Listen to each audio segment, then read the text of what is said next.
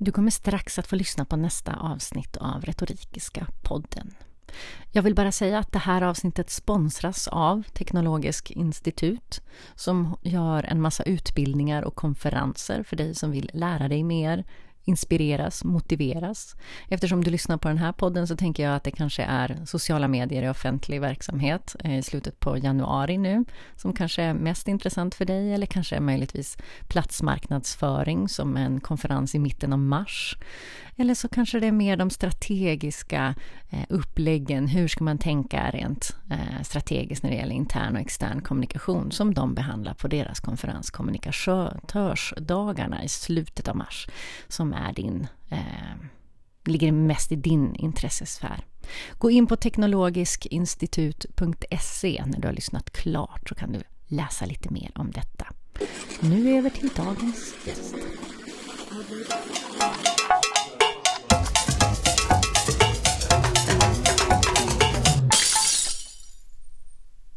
Hej och välkommen till Retorikiska podden. Jag heter Emma Reimfeldt och jobbar på myndigheten med världens längsta namn, Livrustkammaren, Skoklosters slott med stiftelsen Hallwylska museet. De tre museerna utgör en statlig myndighet och vårt mål och uppdrag är att förvalta och tillgängliggöra våra gemensamma kulturarv. Jag är här med Camilla idag för att prata om hur vi jobbar med digital kommunikation på myndigheter Ja, och Emma är ju en av den, eh, de som ligger bakom att eh, Livrustkammaren är så otroligt roliga på Facebook. Om ni inte har hittat hem till Livrustkammaren på Facebook än så kan jag bara säga gå in och gilla på en gång så får ni dagliga skratt. Men vi kommer dit längre fram. Jag tänkte så här, eh, det vore väldigt spännande att få börja höra, vem är du? Var kommer du ifrån när det gäller digital kommunikation och varför sitter du på Livrustkammaren nu? Mm, det har ju varit lite av en resa. Jag är ju egentligen inte grunden kommunikatör utan jag började nog som ganska många andra eh, plugga en rad ämnen på universitetet som jag tyckte var intressant. Så jag satt där och var kulturvetare eh, och visste inte riktigt vad jag skulle göra egentligen. Eh, då hittade jag en utbildning som kombinerade ekonomi, eh, marknadsföring och kultur och pluggade det. Eh, det ledde i sin tur att jag hamnade på SVT där jag jobbade under ett antal år på en avdelning som heter Nya medier. Det här var så tiden precis, det här med webb-tv, eh, bloggar började bli, poppa upp och bli um, intressant. Så vi jobbade mycket med att utveckla just det här första redaktionella innehållet kopplat till såväl tv-program men även egna satsningar eh, som var webbspecifika. Ehm, så där jobbade jag under ett antal år med att utveckla det. Sen plötsligt så dök den här jobbannonsen upp och det var att man sökte en webbprojektledare för att ta fram en helt ny eh, digital plattform för de här tre museerna. Eh, och då så väcktes min historielängtan och min eh, kärlek till eh, de här ämnena. Och jag sökte helt, helt enkelt det här jobbet Eh, så det jag bet tag i det var helt enkelt att de här tre museerna hade eh, helt olika identitet. Man hade precis bildat en gemensam kommunikationsenhet för de tre museerna. Tidigare hade kommunikatörerna suttit liksom utspridda på respektive museum och man hade inte haft så mycket kontakt. Nu skapade man en eh, gemensam kommunikationsenhet som skulle jobba som ett stöd till alla tre museerna. Så då ville man dels ta fram en ny webbplattform, eh, webbsidor för alla tre museerna. Man ville också starta en närvaro i sociala medier för att vid den här tiden, det här är 2010, snart eh, sex år sedan, snart sju år sedan, så fanns eh, våra museer överhuvudtaget inte på sociala medier. Men det hade precis börjat komma. Det fanns lite företag som började använda till exempel Facebook. Eh, vi hade också på myndigheten jobbat länge med digitalisering av våra samlingar. Så att vi hade en stor databas som också skulle tillgängliggöras eh, för publiken via de här webbplatserna. Så det här var ett så här, helt paket och ett stort uppdrag som jag jobbade med under eh, ett antal år helt enkelt och som jag nu fortsätter att eh, ja, utveckla helt enkelt utifrån den plattformen som vi har idag. Mm. Eh, jag tittade ju eh, på till exempel de här eh, digitala museets blogg mm. och såg hur, det är ju jättehäftigt att man kan få ta del av alla de här samlingarna på det här sättet. Eller i alla fall tycker jag det. Jag är väldigt eh, förtjust i eh, tillgängliggörande för bred publik. Så. Mm. Eh, och eh, det känns väldigt tacksamt som medborgare att ni som statlig myndighet lägger tid och, och att eh, göra det här för oss. För att eh, annars är det ganska begränsat till människor som är i huvudstaden, eller Fjollträsk som vi från Norrland kallar det här stället som, oh. där jag bor. Ehm, eh, att man kommer ner och går på ett museum. Så. Men nu finns det ju tillgängliggjort så att skolor kan använda det och eh, alla intresserade specifikt av olika saker kan gå in. Det tycker jag är, det är riktigt, mm. riktigt bra faktiskt. Mm.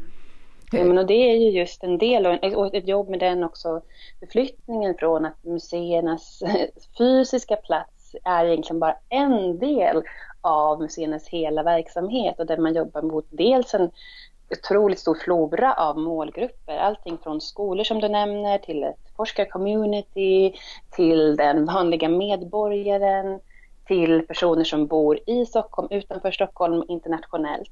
Eh, och att vi vill hitta olika sätt och olika forum att tillgängliggöra den kunskapen som vi har kring våra samlingar samt också föra en dialog och diskussion kring historia och kulturhistoria på olika sätt. Mm. Eh, nu, nu slår det mig lite så här, jag, jag, tänkte att vi skulle vänta med Facebook. Jag ska bara kommentera det, för jag tycker att det är så kul när man får eh, först och främst i, i princip dagligen uppdateringar. Eh, och sen så är de alltid kopplade till någonting som är eh, aktuellt just nu.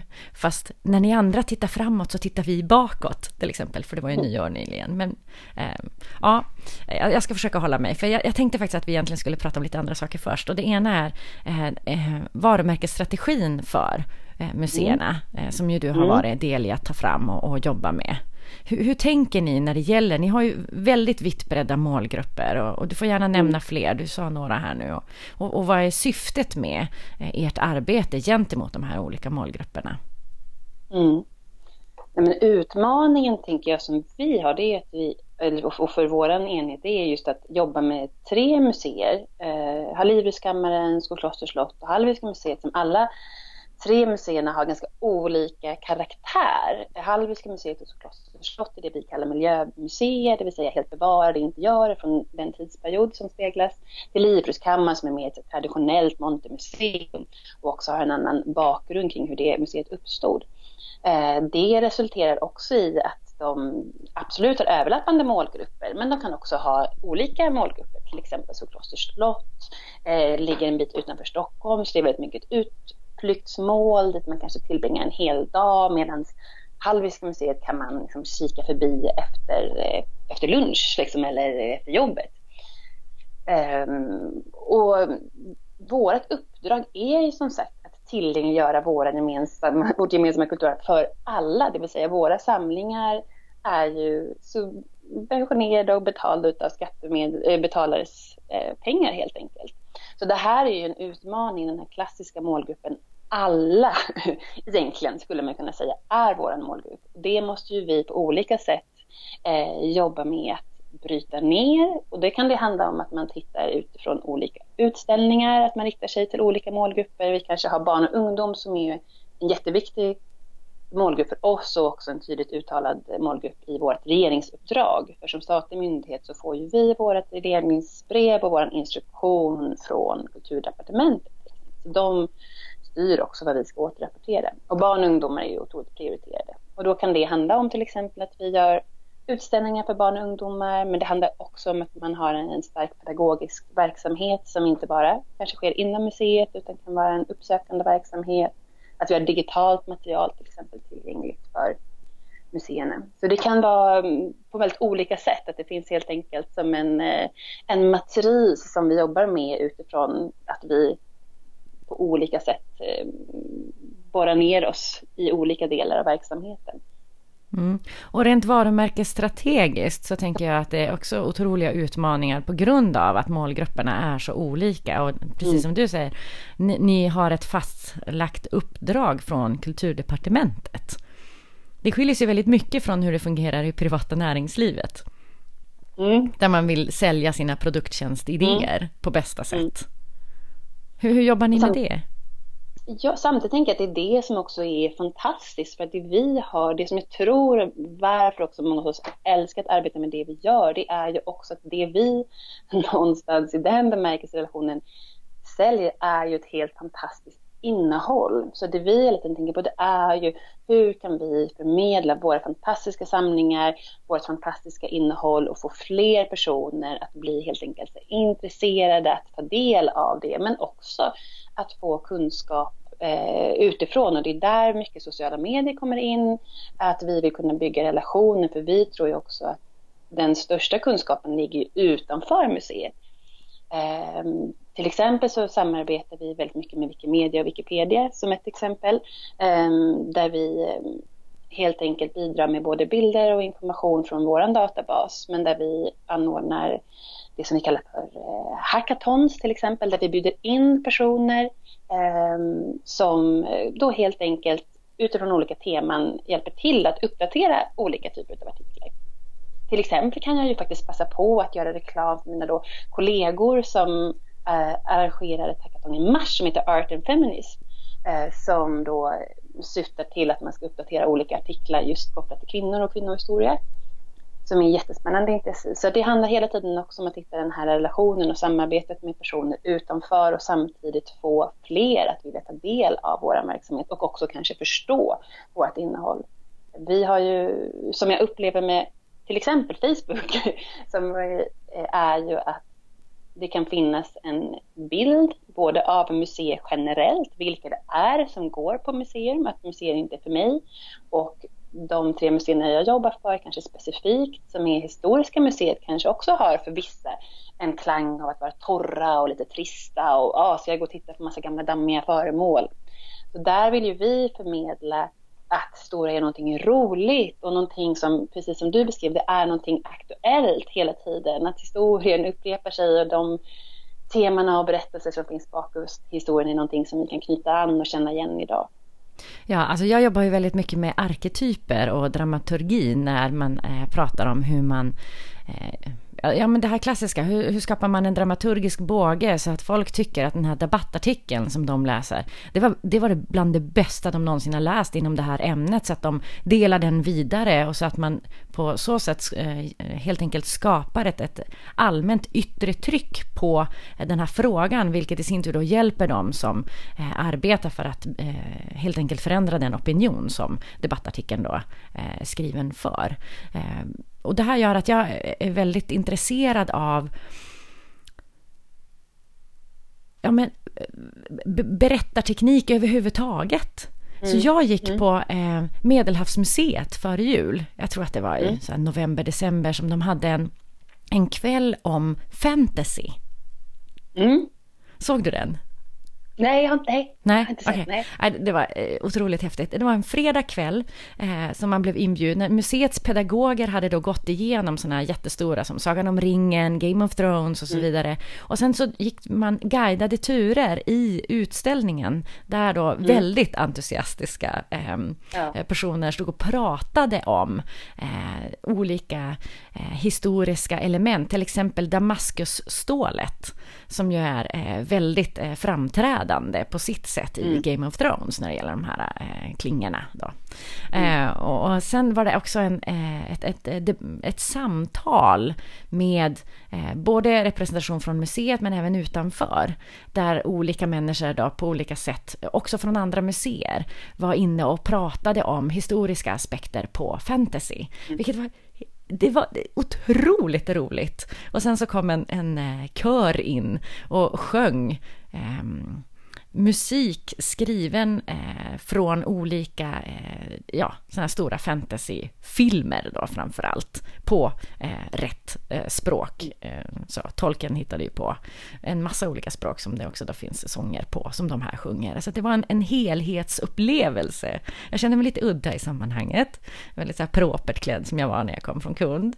Eh, och det var väldigt mycket de här eh, lajvare på plats. Så, det, det var en fantastisk kväll. och Jag tänkte så här, det här är ett riktigt bra sätt för Medelhavsmuseet att visa upp sina samlingar och, och skapa intresse för en, en större publik Så det tyckte jag var oerhört lyckat. Och jag har sett att de gör sådana här kvällar, inte fantasykvällar då, men, men eventkvällar regelbundet. Det är jättespännande. Vi hade, en, vi hade en utställning för några år sedan som heter spel och där ställde vi ut just filmkostym från Game of Thrones som vi ställde ut tillsammans med filmkostym från eh, filmen om Elizabeth. Och, men som pendang hade vi historisk dräkt och eh, den rörde sig just i det här gränslandet mellan så här, fakta, fiktion och fantasy för att också dra parallellerna hur man liksom i fantasy-litteraturen hela tiden hämtar inspiration från den faktiska historien. Att många av de här mest klassiska ikoniska scenerna, till exempel i Game of Thrones, har riktiga förlagor. Eh, och samtidigt jag kommer att tänka på när du berättar om de här museipedagogerna som går runt och berättar om eh, kanske ett jättesmalt föremål, är ju just det som jag brukar framhålla.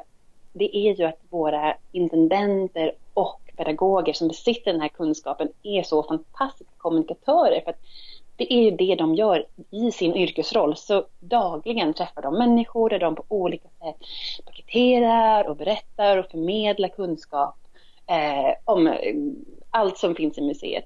Och det som jag tror är just nyckeln där, det är ju att vad som helst kan bli intressant om man brinner för det. Så jag kan träffa någon som är jätteintresserad av skruvar och skulle den personen älska skruvar passionerat så skulle jag också börja älska skruvar och tycka att wow, vad, vad, är det här med skruvar? Och jag tror att just den här nyckeln, att det blir så tydligt om det är eh, en säljare eller någon som läggs på för att prata någonting i ett syfte där man faktiskt inte har en grund att stå på så blir det så genomskinligt.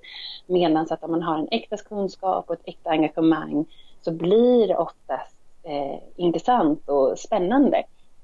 Eh, så det tycker jag är, ja, är så otroligt intressant att se hos oss hur vi har också försökt involvera just medarbetare i vårt arbete, inte minst eh, i digitala kanaler.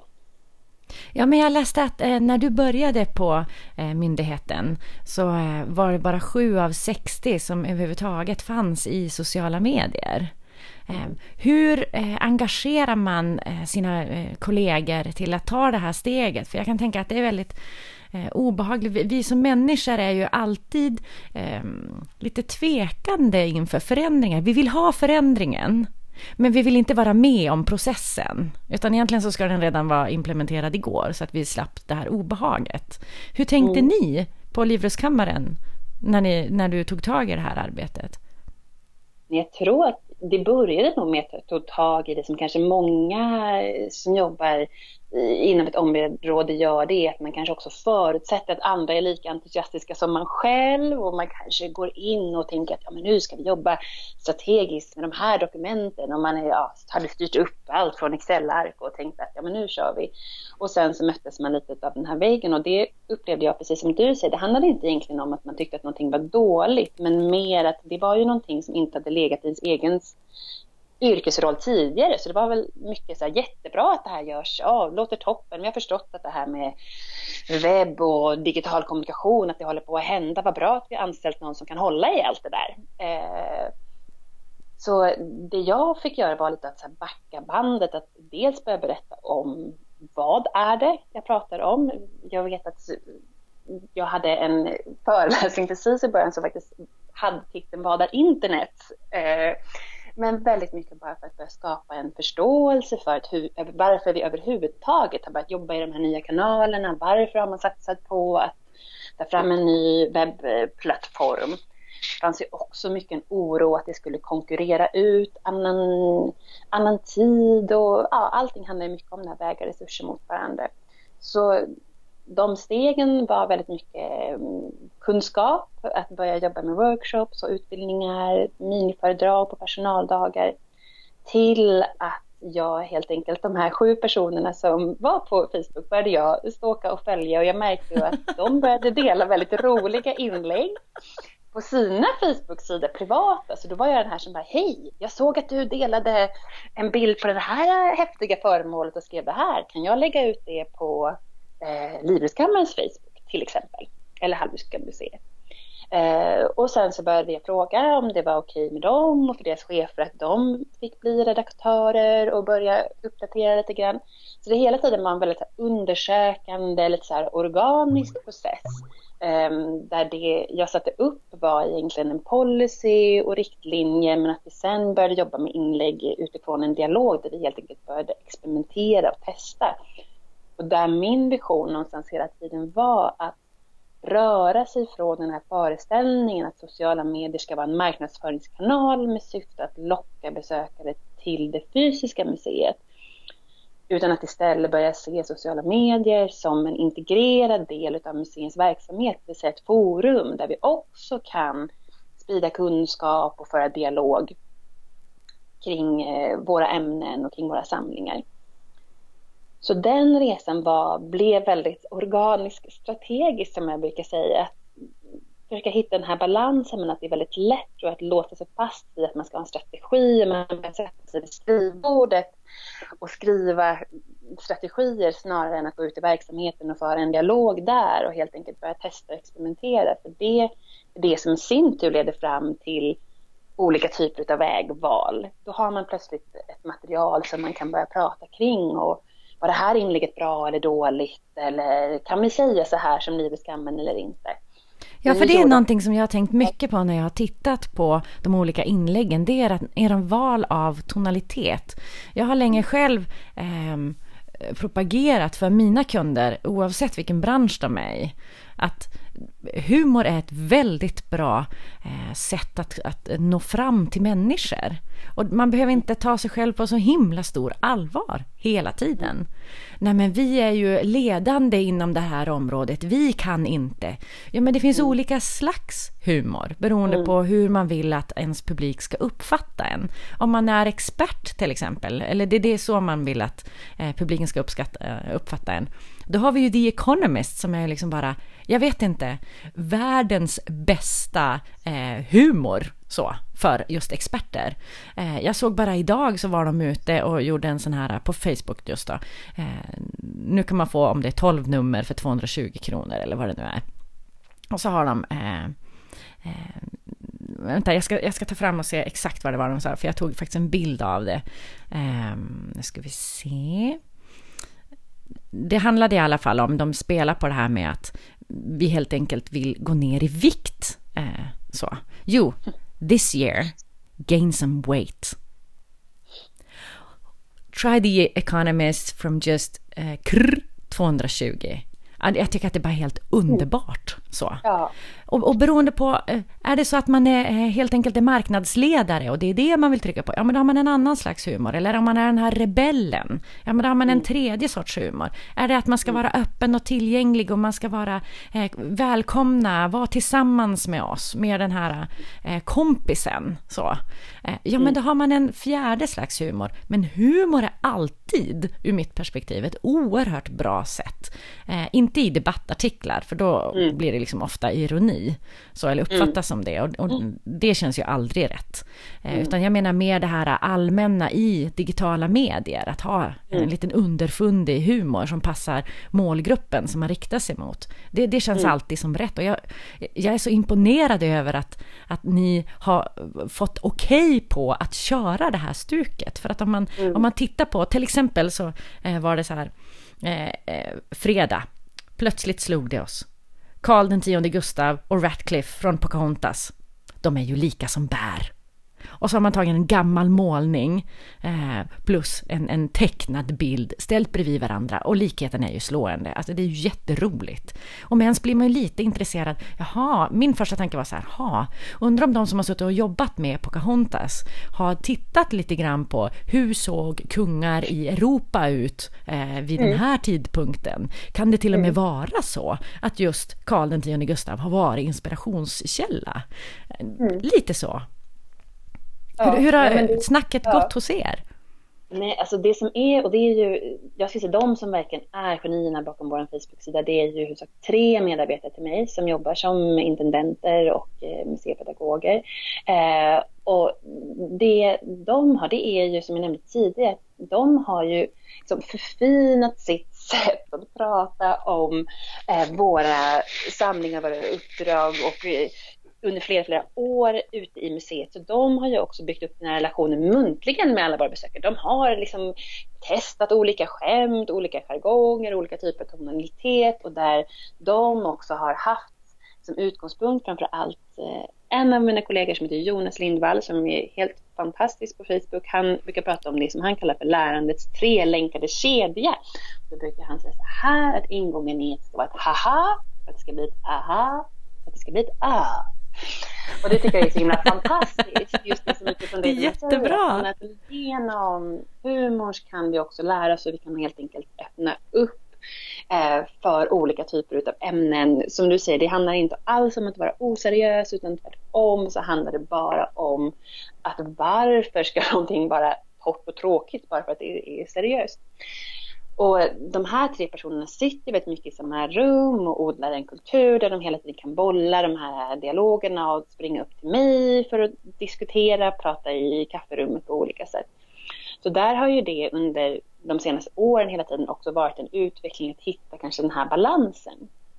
Sen är väl allt utmaning och det som jag tror skapar prestationsångest, flera parametrar som skapar framgång, det är dels att de här personerna är vad jag brukar säga, eller man brukar kalla på ett ord, men digital natives, det vill säga att det här är personer som själva följ, hänger med, följer sociala medier, både sina ämnesområden men de har också koll på olika typer av internetfenomen, eh, memes eller kanske hashtags vilket gör att de också på olika sätt kan eh, plocka upp det och sen forma det i, eh, i det här fallet en form. Så jag tror att det är också en nyckel utöver att de har den här kunskapen eh, och förmågan att prata om samlingarna.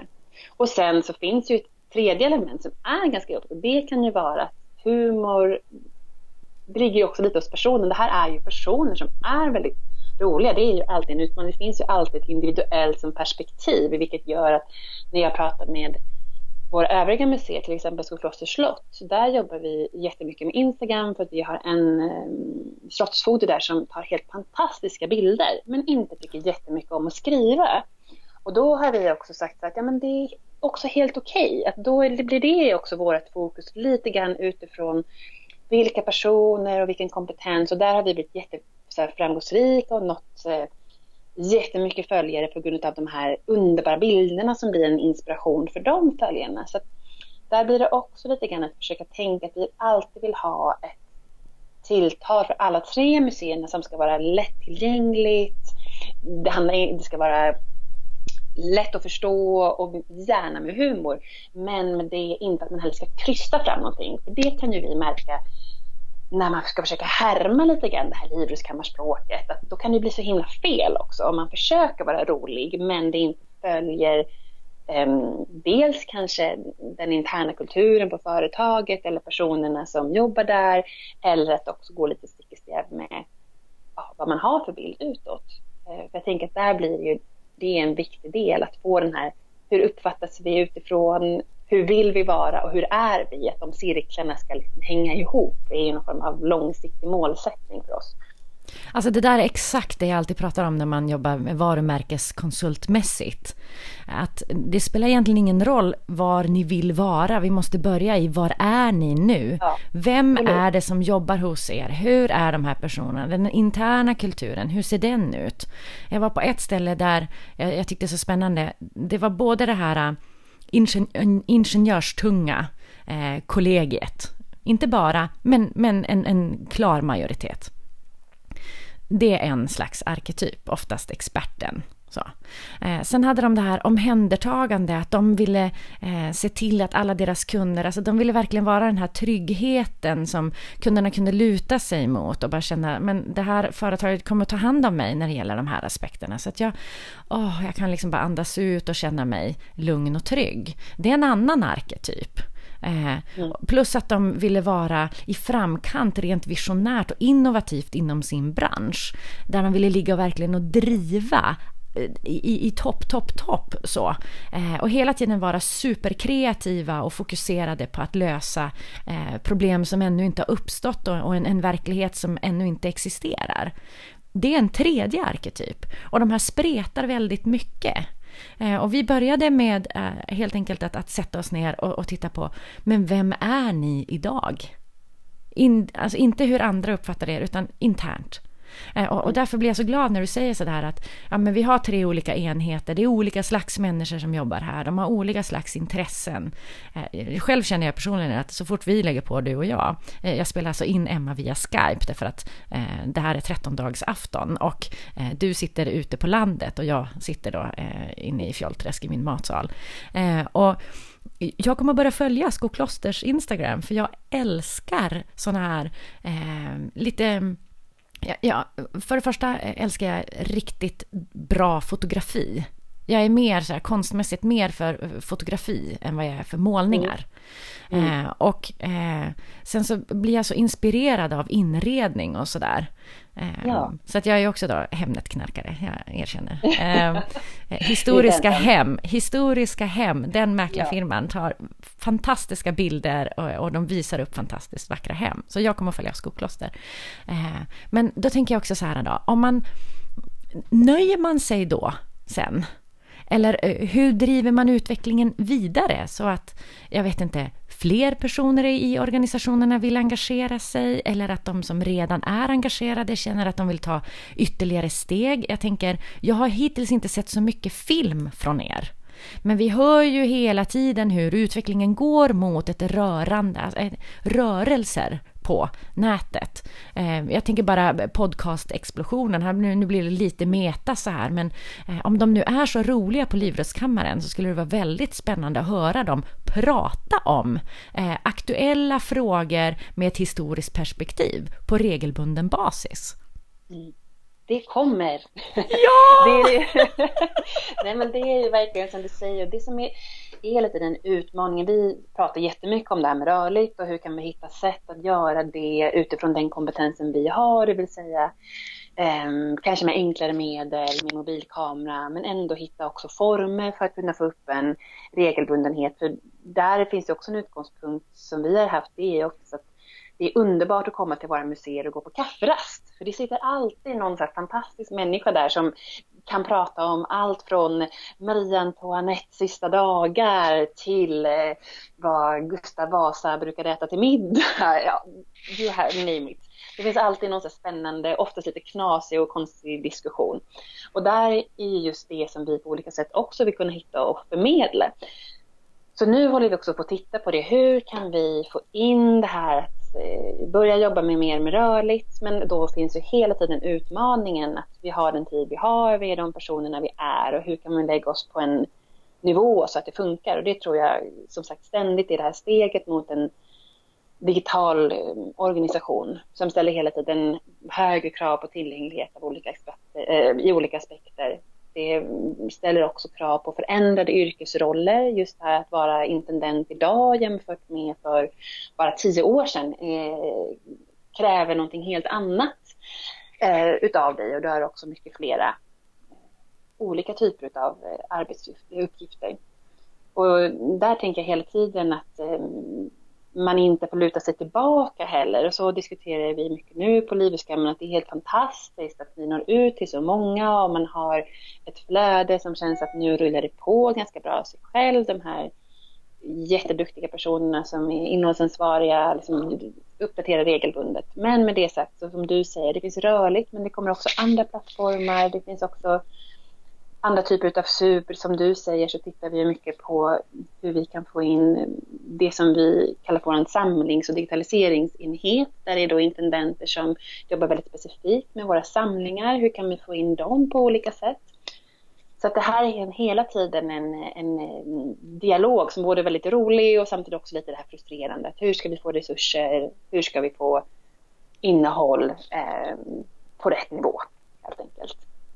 Ja, för jag tänker så här, eh, vanlig PR-strategi som jag tycker till exempel eh, Företagarnas VD Günther Mårder är exceptionellt bra på att nyttja, särskilt digitalt. Eh, han, han, hela, han och hans eh, närmaste stab satt ju och jobbade hysteriskt i juni för att helt enkelt förutspå vad är det partiledarna kommer att tala om i sina tal i Almedalen. Och sen så backar de upp det då med eh, siffror, exerciser och så vidare. Så när eh, Günther har nämligen haft den mest retweetade tweeten i Almedalen två år i rad. Jag sitter i juryn för årets digitala mm. kommunikatör i Almedalen och han, han har vunnit två år i rad. Han är ver verkligen så här, nästa år så tar jag min trippel liksom. För de, de tänker extremt strategiskt kring det hela. Hur ska jag få ut mitt eget budskap? Eh, genom dagsaktuella händelser. För det är ju det, man vill ju egentligen inte bara bygga sin egen arena.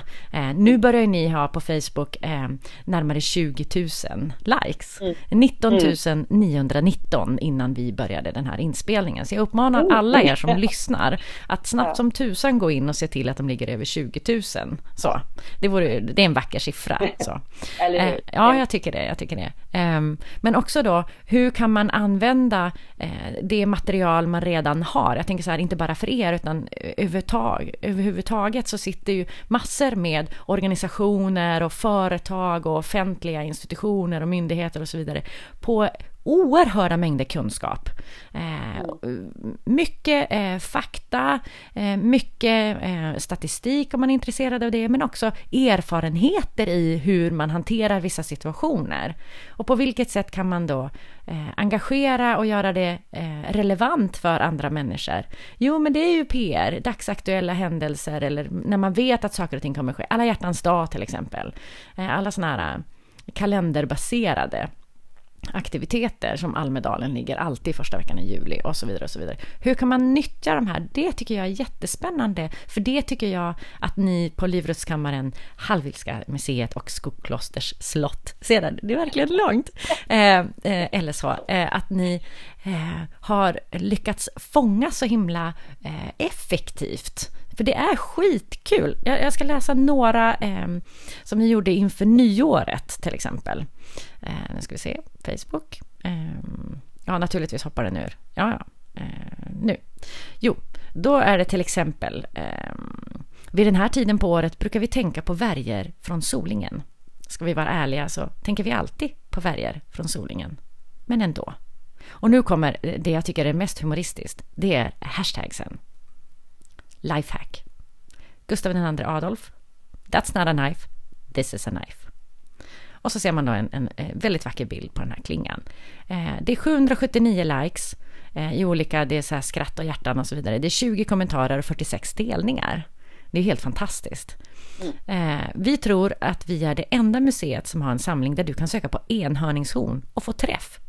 Vi är inte säkra, men vi tror faktiskt det. Hashtag historia, hashtag på riktigt. Och eh, kanske min favorit, nu ska vi se. Eh, idag när alla blickar framåt sneglar vi istället bakåt och slår ett slag för den gamla traditionen att skänka varandra nyårsgåvor. Så vi säger gott nytt år med Maria Eleonoras magnifika present till maken Gustav II Adolf nyåret 1631 då hon besökte kungen i Frankfurt am Main. En praktsadel klädd med röd sammet, bladde, bladde, bladde, det är den sadeln kungen använder under slaget i Lützen 1632. Alltså det blir liksom makabert på en gång. Man bara, mm. åh nej, han dör i den där sadeln. Ja. så. Ja. Vilket också då, ja. Eh, för att man ska få det riktiga skrattet, här var det inga hashtags, eh, riktiga skrattet på den så behöver man också kunna lite om historien, vilket gör mm. att jag fick ju känna mig lite smart. Så. Mm. Och så gillar jag den såklart, bara gillar. Eh, så. Det där, där, är, där säger du någonting jätteintressant med att känna sig lite smart. Jag tror också att det där handlar om att vi inte heller, att man, alltså att, många, att inläggen kan verka på lite så olika nivåer. På samma sätt som, jag vet inte, jag tänker om du tar en barnfilm. Ja, men Pixar är experter på detta. Pixar, att ja. man kan ha de här olika nivåerna. Att du kan som vuxen förstå vissa referenser, men som barn så liksom uppskattar man någonting annat. Jag tänker att så tror jag att jag upplever när vi har pratat med andra så här följare att man kan uppleva våra inlägg på olika sätt. Att ändå så kan, ibland så har vi som extremt smala referenser. Jag fattar ingenting. Jag måste gå och fråga alltså, människor, bara, vad menar du med det här? Eller vad var det här för någon referens? Och eh, då är det vissa som fattar det och tycker att det är jättekul. Men sen så kanske inlägget i sig eller bilden är stark och visuell eller man förstår att det är någonting roligt och då gillar man det av den anledningen. Eller så lär man sig helt enkelt någonting nytt som man inte visste. Så jag tror att de inläggen kan verka på så många olika nivåer. Att du både kan få känna dig lite initierad och smart eller att du kan få det här, haha, aha, var det så här, var det på det här viset? Jaså, det känner jag inte till. Men att hela tiden försöka Ehm, för våran del heller att inte alltid berätta allting. Och jag tror att det är det som har varit en framgång. Att mina kollegor som lägger kanske ut ibland också med ganska korta inlägg. Man har bara en kommentar till en bild och man kanske inte alltid berättar väldigt mycket om vad man ser på bilden. Men det har också i sin tur ett upphov till väldigt mycket frågor och vi märker att man vågar ställa frågor i kommentarsfältet. Så att vi ser också att det är där också det här kunskapsutbytet och dialogen uppstår. För det som jag tror är väldigt speciellt med vår eh, Facebook-sida är just det höga graden av engagemang. Nästan varje inlägg har ju liksom minst ett 10-15-tal kommentarer. Ibland har vi liksom haft uppåt 60 kommentarer och det är otroligt mycket.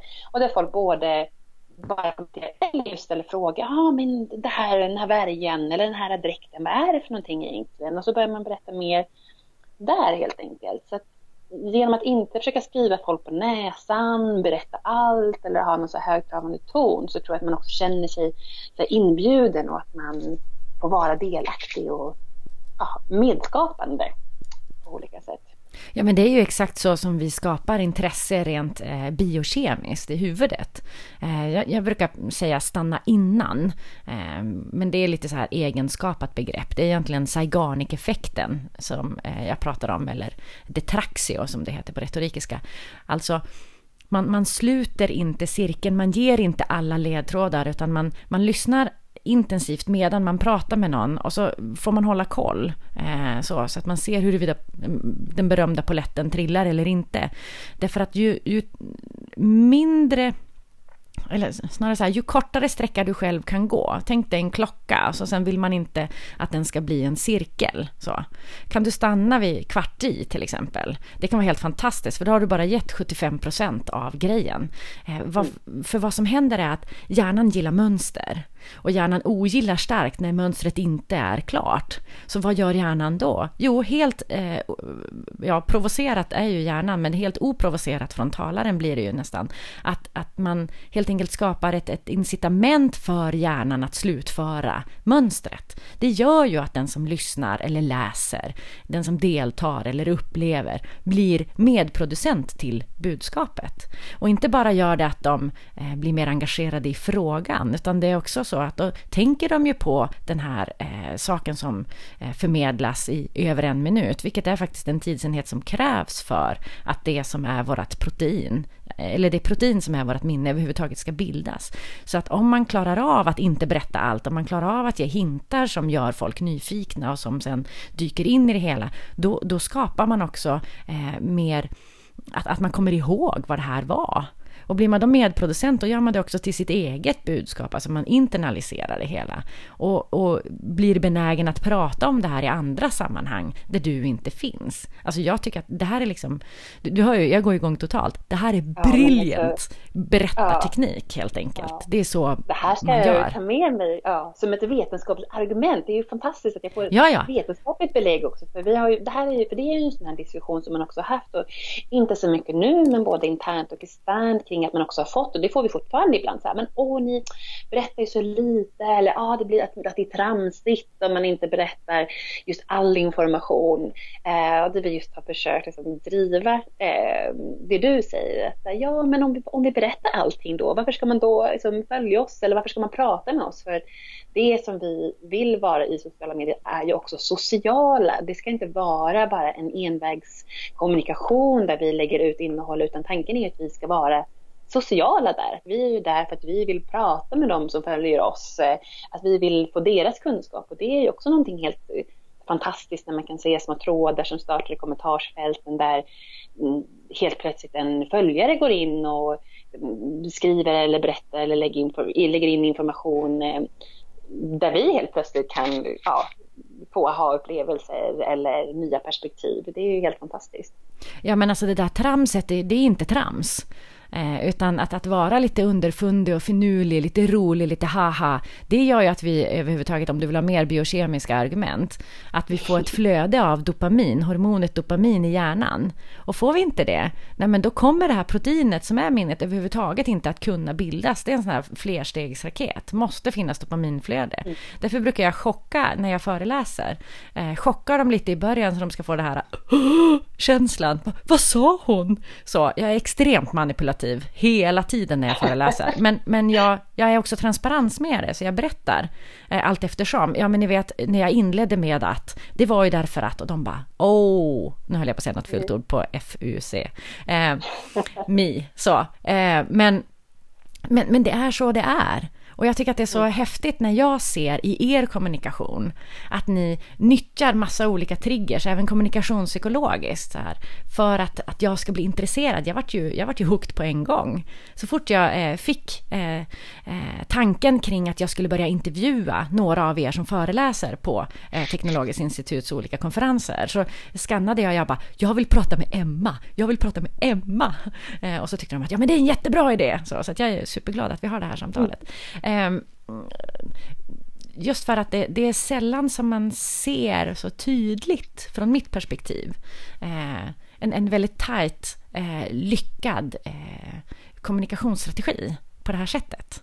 Så jag, jag, jag, jag bugar och bockar. Mm. Så. Ja, och det är inte som sagt, återigen, jag känner att det är verkligen eh, som sagt, jag älskar att framhålla mina kollegor som ju verkligen är de som har hittat den här och att det också varit den här resan. Och det tänker jag också är sådär viktigt att det, det har ju verkligen varit en, en femårsperiod i princip som det här på olika sätt har byggts ut för att hitta de här vägarna. Och jag tycker att det är spännande att det också nästan blir liksom en, att vi lär oss retroperspektivt, att vi kan titta på olika vägval och analysera olika typer utav inlägg eller tonalitet och det är det som också sen leder fram till våran strategi. Bland annat så jobbar ju vi idag fortfarande inte med några Excel-ark eller strikta innehållskalendrar men nu på Livrustkammaren till exempel så jobbar vi med ett motto, ett, ett paraply som är vår övergripande strategi och den, det mottot kom från en av våra följare som skrev som en kommentar. Ni är som, våra, som min historiebästis eh, i sociala medier. Och då blev det som att vi var så här, aha, och när vi plötsligt började prata om det så var jag så här, ja men det är ju det som vi också vill vara och det fångar in väldigt mycket. Så nu har vi tagit det och sagt att det är vårt liksom, strategiska paraply. Livrustkammaren ska vara din historiebästis i sociala medier. Och utifrån det kan man liksom också bryta ner, vad innebär det? Och jag kan ta med mig det när jag koordinerar och tänker med andra personer eller enheter i utställningar om vi ska göra olika teman på olika sätt. Eh, så jag tänker också att där har det varit väldigt mycket att liksom strategin nästan kommer vad ska man säga, i efterhand, att den helt enkelt eh, mm, bakas ner så att jag känner att det är idag som vi faktiskt har en eh, tydlig strategi men att vi hade nästan inte kunnat göra det omvänt heller. För att vi har behövt ha den här liksom experimentverkstaden och testa mycket också för att det vid den här tiden inte fanns så mycket förebilder. Hur ska ett museum vara på sociala medier? Hur kan vi vara? Hur får vi vara? Så att det har varit väldigt mycket att våga testa um, för att på så sätt um, hitta fram. Men med den här målbilden av att man alltid ska känna sig hemma på Livrustkammaren, att det ska vara relationsskapande, att vi ska vara sociala och att det ska vara en egen kanal. Och jag tror att mm, just det här med en egen kanal är väldigt viktigt för det knyter också an till det här som du nämnde om hashtagsen och det jag sa om digital native. Så att jag tänker att internet är också väldigt mycket sitt eget universum och det har vi pratat om en sån här aha-upplevelse för oss. Att man också så inser att lite så här, what happens on internet stays on internet. Att vissa saker fungerar um, enbart mm, på internet eller har sin specifika karaktär för att de existerar på internet. Och då kan det handla just om det här med memes eller liksom hashtags och att vi kan få otroligt mycket likes på en jätterolig uppdatering om en programaktivitet. Men det behöver nödvändigtvis inte resultera i att det kommer jättemycket personer till den, den programaktiviteten. Däremot så ser vi att det är en jättestor del av vårt varumärkesbyggande, att liksom Livrustkammaren i det här fallet kan hamna top of mind och att man tycker att det är roligt att ha en kontakt med oss i vardagen och sen när man väl ska gå på ett museum, då, ah, men Livrustkammaren, så här, de verkar ju skitkul och de har jag sett att de har hur mycket fantastiska grejer som helst. Vi går dit till exempel. Och eh, jag jag säger också att mycket av den här organiska liksom, innehållet för våra följare idag, de jobbar som mina kollegor med medan jag i min tur jobbar mycket mer med då kanske mer sponsrade inrikt, riktar mig eh, till en målgrupp som vi inte redan har som följare. Att där finns ett mera som strategiskt marknadsföringstänk där det kanske handlar om att locka besökare till en ny utställning till exempel. Vi pratar ju om våra nya utställningar självfallet på vår Facebook-sida, men då är det hela tiden med syftet att det också ska bidra med ett innehåll. Medan när jag jobbar med kanske sponsrade länkar kan vi mycket mer ha en, eh, hitta en kampanj som handlar om att vi faktiskt vill locka fysiska besökare till, det, eh, till den konkreta utställningen. Så där är det också lite så olika, ett, ett strategiskt, liksom lite ett, eh, en liten verktygslåda eh, som jag har att jobba med medan fokus för mina kollegor är hela tiden på att skapa ett bra innehåll eh, i våra kanaler. Mm. Eh, om, om, man tittar på eh, du säger nu att du kör så här olika innehåll, olika strukturer för beroende på vad du har för syfte med inlägget. Ehm, har, har, du sett några framgångsfaktorer, vad det är som skapar framgångsrika inlägg i de olika kategorierna? Alltså jag tror att det finns alltid en, en kombination tycker jag av ett starkt bildmaterial och det är ju någonting som är väldigt tacksamt för oss för att vi oftast har ett väldigt starkt bildmaterial. Sen så upplever jag, precis som du kanske sa innan, att humor eller om man ska kalla det en mera lustfylld ingång oavsett vad man riktar den kan man liksom, den kan man som du säger, man kan ju tweaka den på massa olika sätt men det upplever jag alltid det upplever jag alltid fungerar och det kan vara i all sin enkelhet. Så jag tycker att alltid försöka hitta den här liksom lite lekfulla ingången. Sen kan den liksom lite anpassas eh, på olika sätt. Medan det jag kan säga, det man märker då är kanske den här formen av eh, sponsrade inlägg om man till exempel ska göra eh, ett sponsrat inlägg för att vi har en ny utställning. Där kan man vara liksom ännu mer, lite mer straightforward eh, och ha lite mer en kom och titta på våran fantastiska, nu har vi en underbar dräktutställning till exempel. Då kan man med ett starkt bildmaterial och med eh, kort beskrivning skapa väldigt mycket, eller generera mycket likes. Medan att eh, ett liknande inlägg på våran eh, Facebook-sida där vi har våra följare kanske genererar mindre likes för de har lite också en annan typ av förväntningar, de känner till oss, de kanske också säger ja, ja, vi har sett att ni har en ny utställning, men man har ett sug efter någonting annat. Så jag tror att det är lite en skillnad av förväntningarna från följare som vi redan har en relation med kopplat till förväntningar från personer då som kanske överhuvudtaget inte känner till Livrustkammaren överhuvudtaget. Så där får man också ha ett lite annat mindset. Att de som följer oss, de vet vilka vi är, de gillar oss av en anledning. Medan när jag jobbar med inlägg som riktar sig till ja, en helt ny publik så är det ofta så att ja, men de kanske aldrig har hört talas om Hallwylska museet i Klotterslott. Så då får man jobba på en annan nivå helt enkelt. Mm.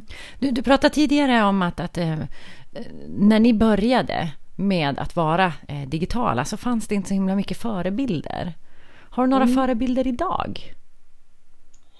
Men nu, ja, nu, dels så tycker jag att nu finns ju jättemycket inspirerande museer. Nu är det ju otroligt vad som har skett eh, inom museibranschen. Det känns verkligen att man har börjat hitta de här, så här nycklarna, både till att man jobbar med liksom, digitalisering på olika sätt, men mycket mer med det här eh, digitala museet, men inte minst att man har hittat in i, i sociala medier. Så att nu så följer jag en rad museer, men sen tycker jag att det är inspirerande. Det kan vara eh, som du nämner, liksom amerikanska så här, förebilder från så här, Buzzfeed, där man tittar på så här, humor, alltså det finns den typen av så här, humorsajter som har jobbat roligt med roligt innehåll, men hur man kan paketera, till exempel som du nämnde, The Economist, hur man kan paketera någonting som kanske är komplext eller eh, svårt på ett enkelt sätt. Eh, Andre Valdes som skriver för Café tycker jag är en helt fantastisk person. Han hade också det här programmet om sociala medier i SVT och han gjorde ju den här Tumblern Rymdslottet där han pratade. Jag vet inte, har du? Nej, har jag har missat det. det. Nej, det var, och han hade, det var som en Tumblr där han med bilder på prinsessan Victoria och prinsessan Dan, och, Ja, nej, nu vet jag exakt vad du pratar ja, om. Det var helt hysteriskt roligt. Det var underbart. Och han liksom, där han förklarade liksom komplex, liksom, som, alltså, pratade om rymden och fysik liksom, genom då, eh, de här bilderna helt enkelt. Han skapade enkla bad, pratbubblor. Nu förklarar jag extremt dåligt känner jag hur han, själva upplägget, men spana in det, rymdslottet. Och jag tyckte att det var bara ett väldigt fint sätt hur man kan ta ett jättekomplext ämne, men på ett väldigt roligt sätt eh, ja, berätta om det så att man blir intresserad. Eh, sen tycker jag något annat som jag tittar på för video, då är det spännande att se hur KIT jobbar med KIT, eh, som ju jobbar med sociala medier som plattformar som har en helt annan ingång till hur man tänker kring redaktionellt, det vill säga de har ju inte det här att sociala medier ska vara ett påhäng, utan deras affärsidé är ju nyhetsförmedling i sociala medier. De har ju jobbat tycker jag, spännande med rörligt, det här att man blandar någon form av infographics eh, med rörligt, med intervjuer och mm, ja, så det tycker jag var spännande att titta på. Hur kan man tänka just film på framförallt Facebook. Um, för att jag har mig hela tiden, jag vet inte om du har några så här, tankar, trendspaningar kring hur du tänker kring just rörligt och format bra inspiration som du gillar. Jag, menar, jag tänker lite grann på eh, hur eh, Niklas Svensson i Almedalen i somras bjöd in till så Facebook Live-middagar eh, och sände. Det, var ju, det var ju helt nytt och det blev väldigt uppskattat. Så det var väldigt många som tittade.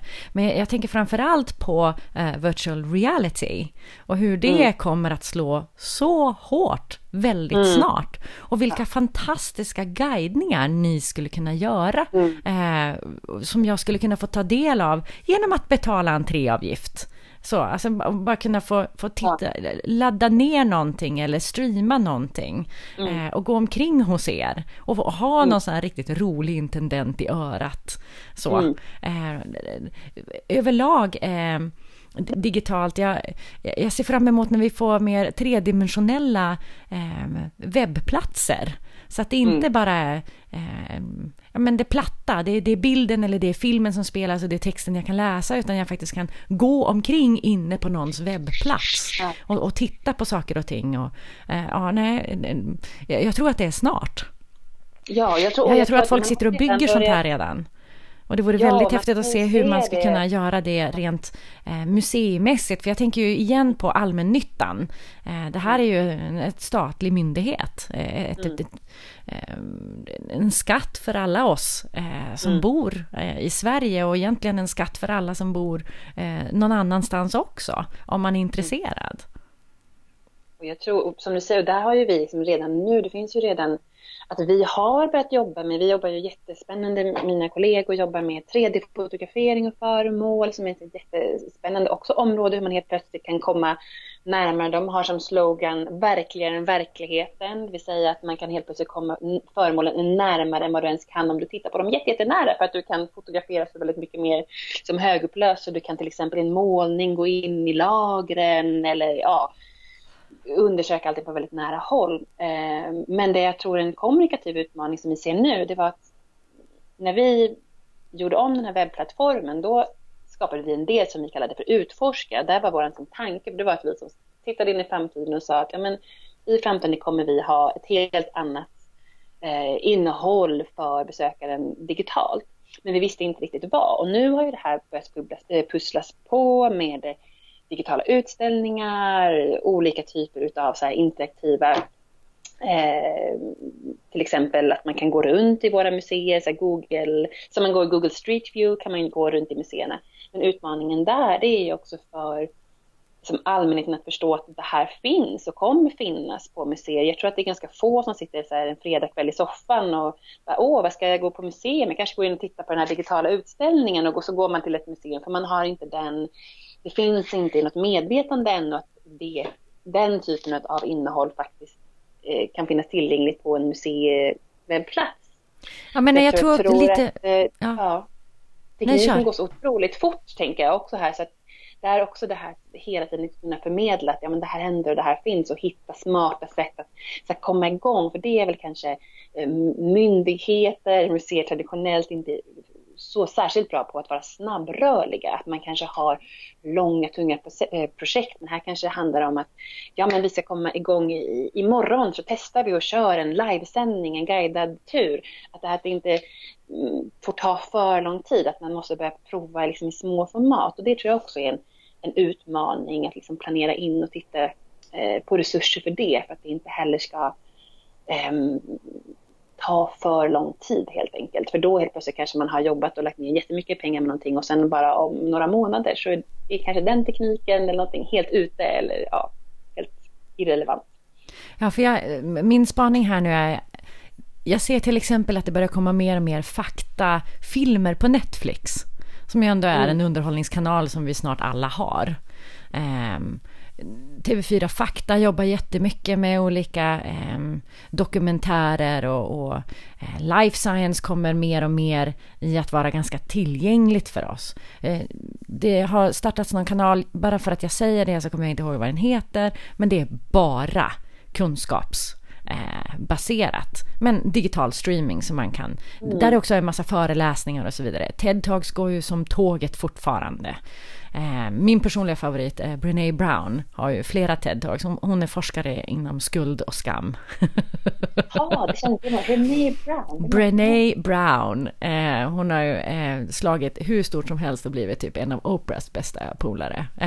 Ah. Men, men bara den här accessen till TED-talks gör det är ju miljontals nedladdningar. Ja. Alltså det kommer mer och mer. Jag tror att den här dumbing down society-trend som vi har sett väldigt länge, den håller på att att, brytas upp. Själv chockeras jag fortfarande varje dag över Trumps olika uttalanden och utspel och eh, helt övertygad om att det, det kommer aldrig att hålla. Han kommer inte att sitta i, i fyra år helt enkelt. Eh, men eh, för att inte associera helt bort från ämnet här nu så är det mer att jag tror att vi blir fler och fler som vill ha mer och mer eh, substans i det vi konsumerar. Även när vi egentligen vill bli underhållna så vill vi ha substans i det hela.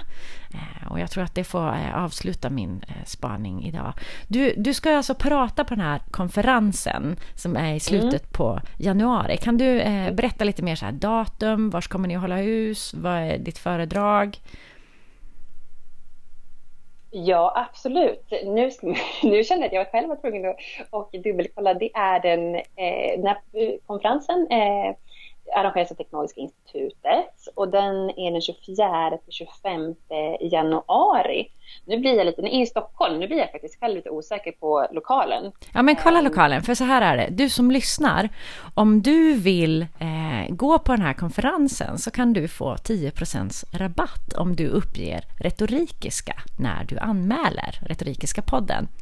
Eh, jag lägger naturligtvis ut eh, lite mer information om det här på webbplatsen retorikiska.se och sen så skulle jag bli väldigt tacksam om ni vill kommentera på eh, det här Eh, inslaget. Eh, eh, jag själv är väldigt imponerad av Livrustkammarens arbete så där, överlag. Därför att det är precis som Emma säger, det, det är lite så här eh, mycket tankar kring eh, vad en statlig myndighet kan och kan inte göra och hur, hur ska vi komma ut med vårt budskap? Vi är ju ganska trista och tråkiga och så visar det sig att det är det ju absolut inte överhuvudtaget alls. Och vilka utmaningar står du inför eh, från eh, din arbetsposition och, och eh, känner du att du på något sätt har fått några nya tankar tankar efter att ha lyssnat på Emma, eh, skriv gärna mycket i kommentarer, antingen på retorikiska.se eller på Facebook. Nu Emma, vad har vi för info att ge? Ja, ja då är precis tiden och platsen 24 till 25 januari 2017 och konferensen kommer att äga rum på något som heter Birger Jarl som ligger på Birger Jarlsgatan 61A i Stockholm. Eh, och jag kommer som sagt lite mer i detaljen idag prata om specifikt Livrustkammarens resa och gå in både på exempel och prata ganska konkret om hur vi helt enkelt har arbetat och gjort och tänkt. Och hur lite blickar in i framtiden. Strålande! Eh, stort tack för att du har varit med, Emma Reinfeldt, eh, projektledare på Livrustkammaren, Skoklosters slott och Hallwylska museet. Eh, och stort tack till dig som har lyssnat. Eh, jag hoppas att du återkommer snart igen och som sagt mer info finns på retorikiska.se. Ha en underbar fortsättning på dagen.